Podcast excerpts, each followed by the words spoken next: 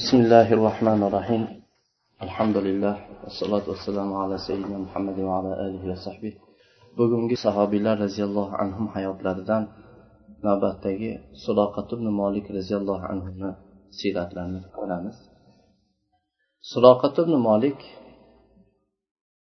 rasululloh sollallohu alayhi vasallamni bir so'zlarini rasululloh sollallohu alayhi vasallamdan keyin ham qaytarib yurdilar ya'ni bu kishida rasul sollallohu alayhi vasallamni bir nubuvvat mo'jizalaridan bittasi bu kishida ko'ringan. Ya'ni bu kishi buni shohidi bo'lgan va shunda bevosita o'zlari bo'lgan zotlardan rasululloh sollallohu alayhi vasallam ey sudoqa bu fors podshosini oltin bilak uzuklari seni qo'lingda bo'lib qolsa nima qilarding deb ketgan ekan. Shu kishini qissalari bir kun butun bu makkada uzoq vaqt musulmonlarga nihoyatda azoblar berishdi zulmni nihoyatda kuchayganligidan ularga o'tgan shu tazyiqdan tanglikdan rasululloh sollallohu alayhi vasallam ashoblariga madina ahli islomni qabul qilgan edilar. Madinaga sahobiylar hijrat qila boshladilar. Hijratga izn berdilar. Har bir sahobiylar masalan hijrat qilib ketardi shunda makka mushriklari endi o'zlariga juda katta xatarni his qila boshladilar. Chunki ular rasululloh sollallohu alayhi vasallamni haq payg'ambarliklarini qancha bir isbotlarni ko'rdilar. Ular rasululloh sollallohu alayhi vasallamni haq payg'ambarliklarini aniq bilar edilar. O'zlarini botil ustida ekanligini bilar edilar. Oyoqqa turib o'zini tiklab ketsa bularni botillariga tamom to'siq bo'lishligini hech bir botillariga imkon qolmasligini yaxshi bilar. Edi shunga bular rasululloh sollallohu alayhi vasallamni hijratga chiqib ketib madinada u kishiga ansorlar topilib endi himoyada bo'lishliklaridan qo'rqib rasululloh sollallohu alayhi vasallamni oxirgi bularni choralari hammalari bir bo'lib qatl qilamiz deb shunga kelishdilar. Har bir qabiladan bittadan yaxshi kuchli bir yigitlarini e, kishilarini topamizda ular bir kishiday hammasi hujum qilib chopib tashlaydi qilishlari bilan butun bu bu kishini qoni hamma qabilalarda tarqalib ketadi. Keyin abdumanof bu rasul sollallohu alayhi vasallamni qavmlari hammaga kuchi yetmay qoladi. Hammamizga urush qilolmaydi deb shunga kelishdilar. Butun makka mushriklari rasululloh sollallohu alayhi vasallamni qavmlaridan faqat amakilari abu lahab ham birga shu ishni maslahat qildi. Endi bu kecha o'ldirish kerak bo'lsa ular rasululloh sollallohu alayhi vasallamga hech narsa bu haqda hech kimga xabar bermasdan kuzatib shu u kishini qatl qilishlikka to'planib turishdi. Bu kechada hamma bu saylanganlar rasululloh sollallohu alayhi vasallamni eshiklarida hammasi to'planib turdi. Rasululloh sollallohu alayhi vasallamni odatlari ertalabda shu namozga chiqar edilar shu yerda o'ldiramiz shu chiqqanida o'ldiramiz deb to'planib turishdi. Mana shu ertalabda qurayshlar bir xabar eshitdiki qurayshlar jamoalari ichida bu kecha muhammad sollallohu alayhi vasallam qorong'ulik pardasi ostida yashirinib makkani tark qilib chiqib ketibdilar. Degan xabar kelganda hammasi shu o'zini bosar tusarini bilmay shunday qattiq qo'rquvga tushib qoldi. Lekin quraysh kattalari bu xabarni ishongisi kelmas edi. E bu unaqa bo'lmasligi kerak. Shuncha odam eshigida poylab turgan. Buni hech ishongisi kelmas edi. Nabiy sallallohu alayhi vasallamni har bir bu bani hoshim qabilasidagi hamma xonadonni tintuv qilib ko'rib chiqishdi. Rasululloh sollallohu alayhi vasallamni ashoblarini har birlarini uylarini ko'rib chiqishdi. Hatto oxirida abu bakr roziyallohu anhuni uylariga ham kelishdi. Shunda abu bakrni roziyallohu anhuni qizlari asmo roziyallohu anhu chiqdilar. U qizga abu jahl qarab aytdiki otang qayerda ey qiz? dedi. Otam hozir qayerdaligini bilmayman dedi. Shunda qo'lini ko'tarib asmo roziyallohu anhoni yuzlariga qattiq urdi. Bundan quloqlaridagi taqinchoqlari uchib ketdi yerga tushdilar.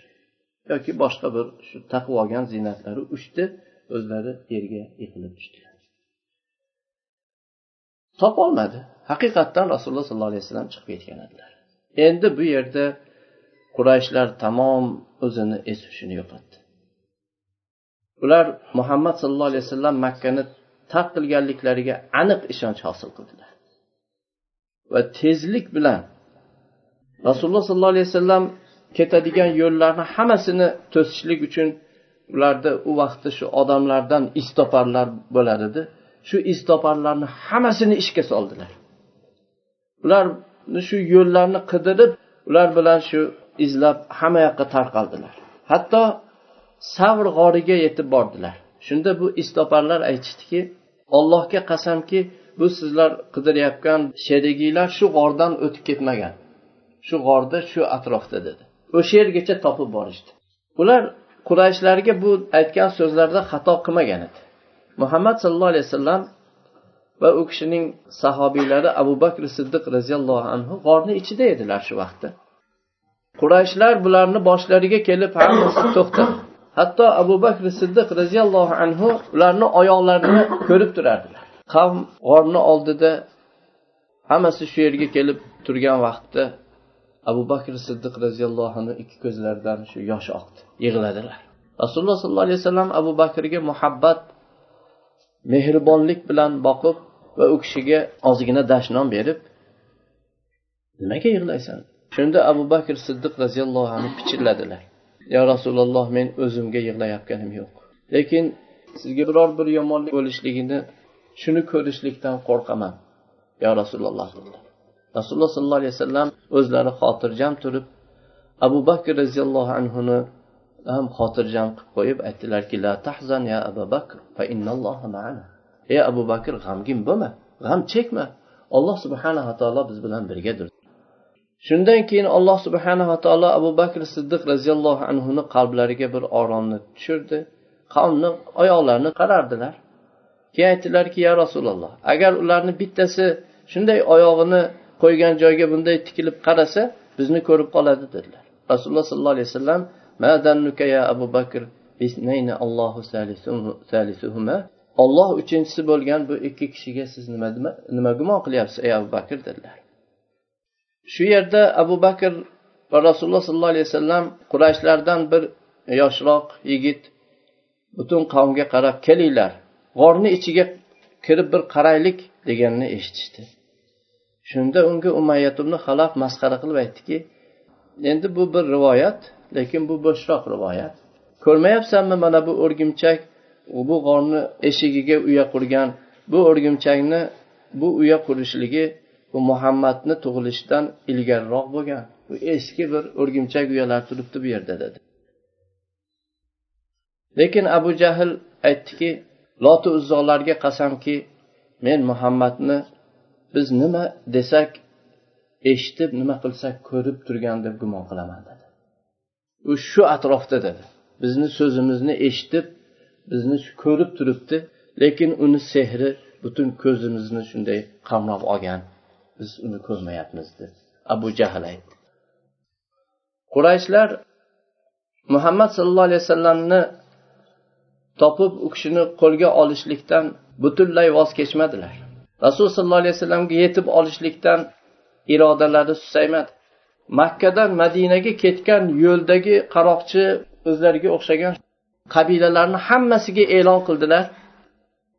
Kim muhammad sallallohu alayhi vasallamni tirik yo o'lik holatda olib kelsa unga eng yaxshi ulug' tuyalardan yuzta tuya yuki bilan deb shunday e'lon qildilar. Ular o'zi ikkita tuya bitta tuyaga ham qaroqchilik qilaveradigan odamlar. Ularga yuzta tuya bu hatto qurayshlarni o'zini ichidagi eng sharafli odamlarni ham qiziqtiradigan narsa edi. E, tuyalarni eng sara yaxshilaridan yuzta tuya ho tirigini olib kelsin ho o'ligini olib kelsin. Shunda suloqatibn molikil madlaji qadid degan joyda o'zini qavmi qabilasini ichida turgan edi. Makkadan yaqindagi qabilalarda rasululloh sollallohu alayhi vasallam haqlarida bu xabarni eshitgan edi. Shunda qurashni elchilaridan bittasi shu atrofda yurgan qabilalardan poylab yurgan kezib xabar topishni harakat qilib yurgan elchilardan bittasi ularni oldiga kirdi. Keyin ularni ichida aytdiki kim muhammadni tirik yo o'lik olib kelsa unga qurayshlar beradigan yuzta tuyani eng sara tuyalardan yuzta tuya berishni aytdi. Suloqa buni eshitar ekan butun ich ichidan bir tama shunga bo'lgan istak. Endi uni nihoyatda bir e, bu ishga juda haris bo'ldi. Lekin u o'zini bosib o'zini tutib oldida biror so'z gapirmadi. Boshqalarni qo'zg'atib qo'ymay deb indamadi. E'tibor bermaganday bo'lib shunday o'tkazdi. Keyin suloqa endi shu o'tirgan joyidan bu jamoa oldidan chiqib ketmoqchi edi. Rasululloh sollallohu alayhi vasallamni qidirib kezib yurganlardan bittasi shoshilib kelib qoldida aytdiki allohga qasamki uch kishi shu uzoqdan ko'rdim o'tib ketdi. Ular shu muhammad abu bakr va ularni yo'l ko'rsatuvchisi bo'lsa kerak dedi. Men shu xabarni olib keldim shu o'tib ketdi dedi. Shunda suloqa aytdiki endi yolg'onda aytyapti bu. Ular emas dedi hozir bizni oldimizdan o'tib ketishdi bir tuyalarini yo'qotib qo'yishgan ekan shu tuya qidirib yurgan. Uch kishimi bunaqami bunaqami? dedi. Ha shu bir otda shunday yoki bir nima desa ularni ha hozir men ko'rdim meni oldimdan ketishdi dedi. Ataylab shunday dedi boshqalarni chalg'itishlik uchun. Keyin chiqib ketishligi boshqalarni ham qiziqtirib qo'ymasin deb birpas o'tirdi. Shu joyida indamay bu haligi xabar olib kelganni shunday bostirib qo'ydida o'zi ham birpas o'tirdi. Hamma jim bo'lib keyin odamlar boshqa mavzularga boshqa gaplarga kirishib ketgandan keyin keyin sekin u yerdan zerikkan odamga o'xshash turib tashqariga chiqib tez uyiga qarab jo'nadi. Uyiga borib o'zini bir e, xizmatkor qiziga aytdiki otimni hech kimga bildirmasdan odamlarga ko'rsatmasdan olib yetalab chiqqinda ot boqib yurganga o'xshash bo'lib falon joyga olib borib tayyorlab tur dedi. Ya'ni otda chiqib ketganini ko'rsa ham boshqalar boshqalar ham sherik bo'lmasin degan maqsadda. Keyin suloqa o'zini boshiga dubulg'asini bu qilich bilan chopganda himoya qiladiganni kiydi qurollarini oldi. Keyin sekin chiqib borib otiga mindi. Rasululloh sollallohu alayhi vasallamga bosh bu suloqadan oldin boshqa birov yetib qolishidan oldin o'zi yetib olishlik uchun va keyin bu qurashlarni katta mukofotiga o'zi ega bo'lishligi uchun nihoyatda shoshilib tezlik bilan ot choptirib ketdi. Suroqatun molik o'zini qavmini ichidagi eng bo'yi uzun qavmini shu sanoqlik pahlavonlardan bittasi edi. Haqiqatdan pahlavon bir odam edi. Keyin bunda istoparlik mahorati ham bor edi suroqada keyin yo'lni mashaqqatlariga safarga juda bardoshlik odam edi. Mana shularga suyanib bular bilan birga yana shoir edi juda aqllik fikrlik zakovatli odam edi. Oti ham nihoyatda hali asl otlardan edi. Nihoyatda tezlik bilan ot choptirib ketdi. Shu ozgina yurgandan keyin oti toyilib ketib otni egaridan u uchib tushdi. Bundan bir shumlandi endi. U ularda darrov ilm qilib shumlanish bo'lar edi shumlandi. Aytdiki bu nima bo'ldi ekan? Sen yaramas ot bu nima qilganing dedi. Keyin yana otni ustiga mindi. Uzoq o'tmasdan oti yana bir marta toyilib yana otdan yiqilib tushdi. Keyin orqaga qaytsammikin degan xayol ham fikridan o'tdi. Lekin buni bu yuzta tuyaga bo'lgan harisligi tamasi uni orqaga qaytishlikka qo'ymadi. Keyin shu oti qoqilgan joydan otga mindida ko'p yurmasdan rasululloh sollallohu alayhi vasallam va u kishining ikkita yonlaridagi hamrohlarini ko'rdi. Shunda kamoniga shunday qo'lini uzatuvdi qo'li yerida qotdi. Sababi otini ikkita oyog'i yerga qumga botib ketgan. Chang shunday uni ko'z oldida chang ko'tarib buni butun ko'zlariga qum to'lib uni ko'z oldini olib qo'yuvdi. Keyin otni yana undadi lekin ot chiqolmasdi. Xuddi mix bilan oyog'ini mahkamlab qoziq qoqib tashlagandek otini chiqara olmasdi keyin rasululloh sollallohu alayhi vasallamga qarab yaxshi muomala qila boshladi. Yalinchoq tovush bilan ey siz ikkalangiz robbingizga duo qiling otimni oyog'ini bo'shatsin otim chiqib ketsin deb so'radi. Rasululloh sollallohu alayhi vasallam duo qildilar. Oti chiqib ketdi. Aytdiki men sizlarga hech bir yomonlik qilmayman. Meni yomonligim yo'q dedi. Oti chiqib qutulgandan keyin bunda yana ichidan keladigan bu tama uni yana yangitdan harakatga soldi. Tez o'sha tarafga ot solib yana yugurdi. Bu safar oti avvalgidan ham qattiqroq botib ketdi. Keyin ulardan yordam so'radi. Aytdiki meni oziq ovqatim matolarim qurollarim sizlarga bo'lsin olinglar men ollohga ahd beraman orqamda kelayotgan odamlarni sizlardan qaytaraman dedi. Endi bu safar bu rasululloh sollallohu alayhi vasallam haqiqatda himoyada ekanliklari ollohning rasuli ekanliklariga u tamom qalbida ishonch hosil bo'lib qolgan. Rasululloh sollallohu alayhi vasallam va abu bakr siddiq roziyallohu anhuga qarab bizga oziq ovqating matolaringni keragi yo'q. Lekin qo'lingdan kelsa odamlarni bizdan qaytar dedilar. Keyin oti chiqib ketdi. Endi qaytmoqchi bo'luvdi. Ularga qarab aytdiki to'xtanglar men siz bilan shu bir gaplashib olmoqchiman dedi. Men sizlarga sizlar kareh ko'radigan yomon ko'radigan hech bir yomonligim yo'q dedi. Keyin nima xohlaysan dedilar. Shunda aytdiki ollohga qasamki ey muhammad dedi. Men aniq bildimki sizni bu ishingiz diningiz g'olib bo'lar ekan dedi. Sizni ishingiz oliy bo'ladi menga shu va'da bering. Agar sizni mulkingizga kelsam meni hurmat qilib ya'ni menga bir amonlik berishni menga va'da bering dedi. Shuni yozib bering dedi. Rasululloh sollallohu alayhi vasallam abu bakr siddiqqa buyurdilar. Bir suyakka shunday yozib suloqa amondadir deb yozib berdilar va suloqiga berdilar. Endi suloqa ketmoqchi edi. Rasululloh sollallohu alayhi vasallam unga qarab aytdilarki ey suloqa shu qo'llaringda fors podshosini ikki oltin bilak uzuklari bo'lsa qanday bo'ladi dedilar. Suroqa dahshatga tushdi. Fors podshosi deb shu hurmuz ibn hurmuzni aytyapsizmi? dedi. Ha shu kisro ibn hurmuz dedilar. Suroqa shu yo'liga qaytib ketdi. Ozgina yuruvdi. Odamlar shu olomon orqada rasululloh sollallohu alayhi vasallamni qidirib shu tarafga qarab kelyotgandi suloqa aytdiki qaytinglar dedi. Men bu bu taraflarni qarichma qarich og'dar to'ntar qilib hamma yog'ini ko'rib chiqdim. Yo'q dedi. Men bu tarafdan sizlarni behojat qildim. Boshqa tarafni qidiringlar dedi. Meni bu iz toparligimni ko'zimni yaxshiligini yo'lni yaxshi bilishimni bilasizlar dedi. Odamlar bunga ishondilar hammasi qaytib ketdi. Keyin muhammad sallallohu alayhi vasallam bilan va u kishining sheriklari bilan bo'lgan xabarini u sir tutdi. Hatto bir ikki kun vaqt o'tib rasululloh sollallohu alayhi vasallam endi madinaga yetib borib qurayshdan amonda bo'ldilar degan ishonch hosil qilgandan keyin keyin bu xabarni tarqatdi.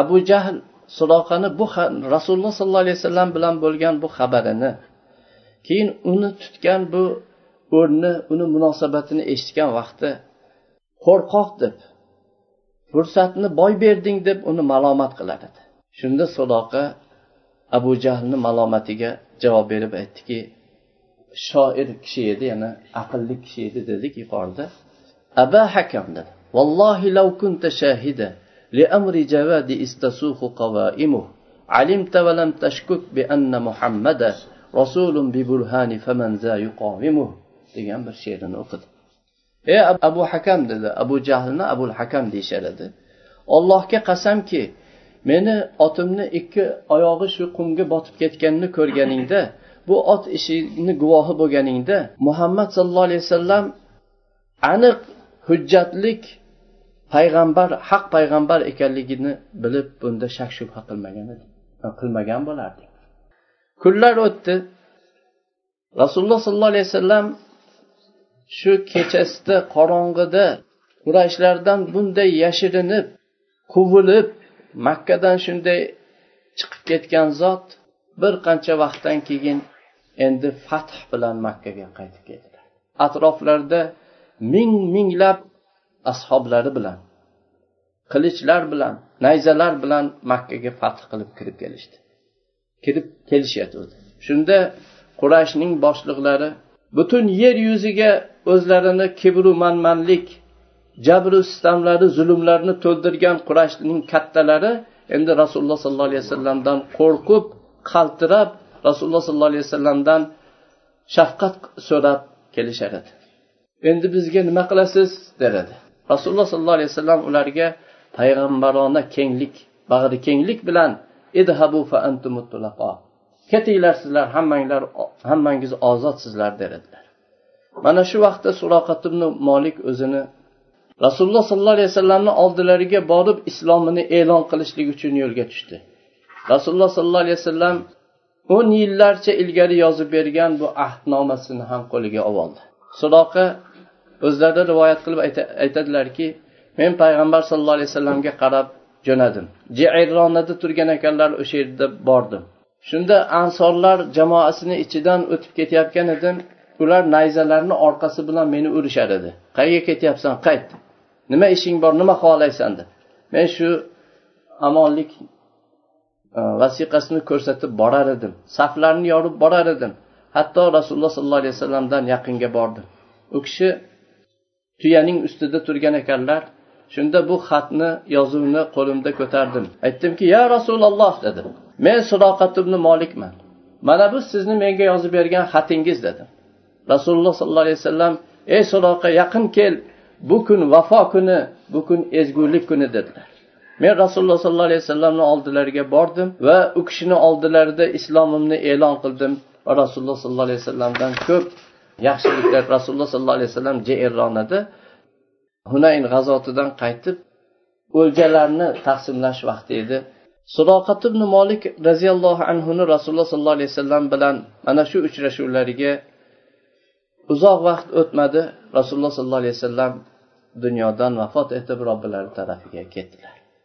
Suroqa roziyallohu anhu juda qattiq g'amga botdilar.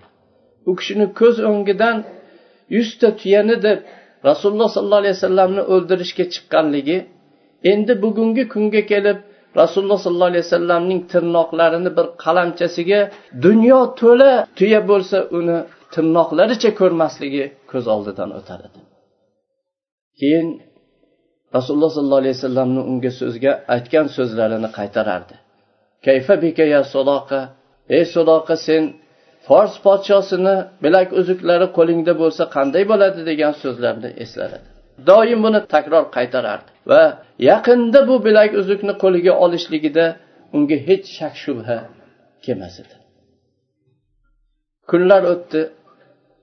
Musulmonlar ishlari xilofat umar foruq roziyallohu anhuga o'tdi. Musulmonlar askarlari umarning bunday muborak davrlarida fors mamlakatiga bo'ron kabi bostirib bordilar. Qal'alarni parchaladilar askarlar mag'lub bo'lar edi arshlar larzaga kelardi. Musulmonlar o'ljalarni jamlar edilar. Alloh taolo bu musulmon askarlar qo'llarida butun kisro bu fors shahanshohlik davlatlarini hammasini olloh og'dardi bir kuni umar roziyallohu anhuning xilofat kunlarining oxirgi vaqtlarida edi. Madinaga sad ibn abi vaqqos roziyallohu anhuni elchilari keldi. Musulmonlarni katta fathlari bilan bashorat berib uni xushxabarini olib keldi. Keyin bu kelgan elchilar musulmonlarni baytul moliga kelgan o'ljadan beshdan birini olloh yo'lidagi bu g'oziylar olgan o'ljani beshdan birini baytul molga topshirish uchun olib kelgan edilar. O'ljalar umar roziyallohu anhuni oldilariga olib kelib qo'yilgan vaqtda umar bunga nihoyatda hayrat bilan qaradilar. Bu o'ljalar ichida fors podshosini durlar bilan bezalgan toji oltin iplar bilan tikilgan uni kiyim kechaklari gavharlar bilan ziynatlangan uni shu orqasiga tashlab oladigan bezagi va unga o'xshashini ko'z ko'rmagan katta suratdagi bilak uzugi bor edi. Yana boshqa boshqa qancha hisobsiz bir qimmatbaho matolar bor edi. Umar roziyallohu anhu qo'llarida bir kaltak bor edi. Bularni ham bu xazinalarni aylantirib aylantirib ko'rib keyin atroflaridagi odamlarga qaradilar. Buni bu yerga ado etib yuborgan qavm ular omonatdor odamlar ular dedilar. Ya'ni olloh yo'lida jang qilgan g'oziylar. Ali ibn abi tolib o'sha yerda birga hozir edilar aytdilarki ey umar siz o'zingizni pok tutdingiz sizni xalqingiz ham ey amirul mo'minin pok bo'ldilar. Agar siz yeganingizda ular ham yeyishadi dedi. Shu yerda umar roziyallohu anhu suloqat ibn molikni chaqirdilar. Podshohni kiyim kechagini unga kiygizdilar. Podshohni oyoq kiyimi va ustki kiyimlarini uni ustiga tashladilar. Podshohni fors podshosini qilichini belbog'ini unga o'zlari taqib qo'ydilar. Boshlariga fors podshosini tojini suloqani boshiga qo'ydilar. Musulmonlar shunday kuzatib turardilar. Oxirida unga e, ikki bilaguzugini shunday qo'liga. Shu vaqt musulmonlar allohu akbar allohu akbar allohu akbar deb butun musulmonlar baqirdilar. Umar roziyallohu anhu so'roqiga qarab bay bay dedilar. Bir bani matlash qabilasidan bo'lgan bir arobiy kishi boshida fors podshosining toji dedilar. Qo'lida uning bilak bilak uzugi dedilar. Keyin qo'llarini osmonga ko'tarib aytdilarki yo olloh bu molni o'zingni rasuling sollallohu alayhi vasallamdan man qilding. U kishi mendan ko'ra senga suyumliroq va hurmatliroq zot edilar. Bu molni abu bakr siddiq roziyallohu anhudan man qilding. Abu bakr men, mendan ko'ra senga suyumliroq va hurmatliroq edilar. Bu molni menga berding. Bu bilan menga makr qilib bergan bo'lishingdan o'zingdan panoh so'rayman yo robbim dedilar. Keyin ana shu majlislardan o'tirgan joylaridan turmasdan musulmonlar o'rtasida bu dunyoni taqsimlab tarqatib yubordilar. سبحانك اللهم وبحمدك أشهد أن لا إله إلا أنت أستغفرك وأتوب إليك.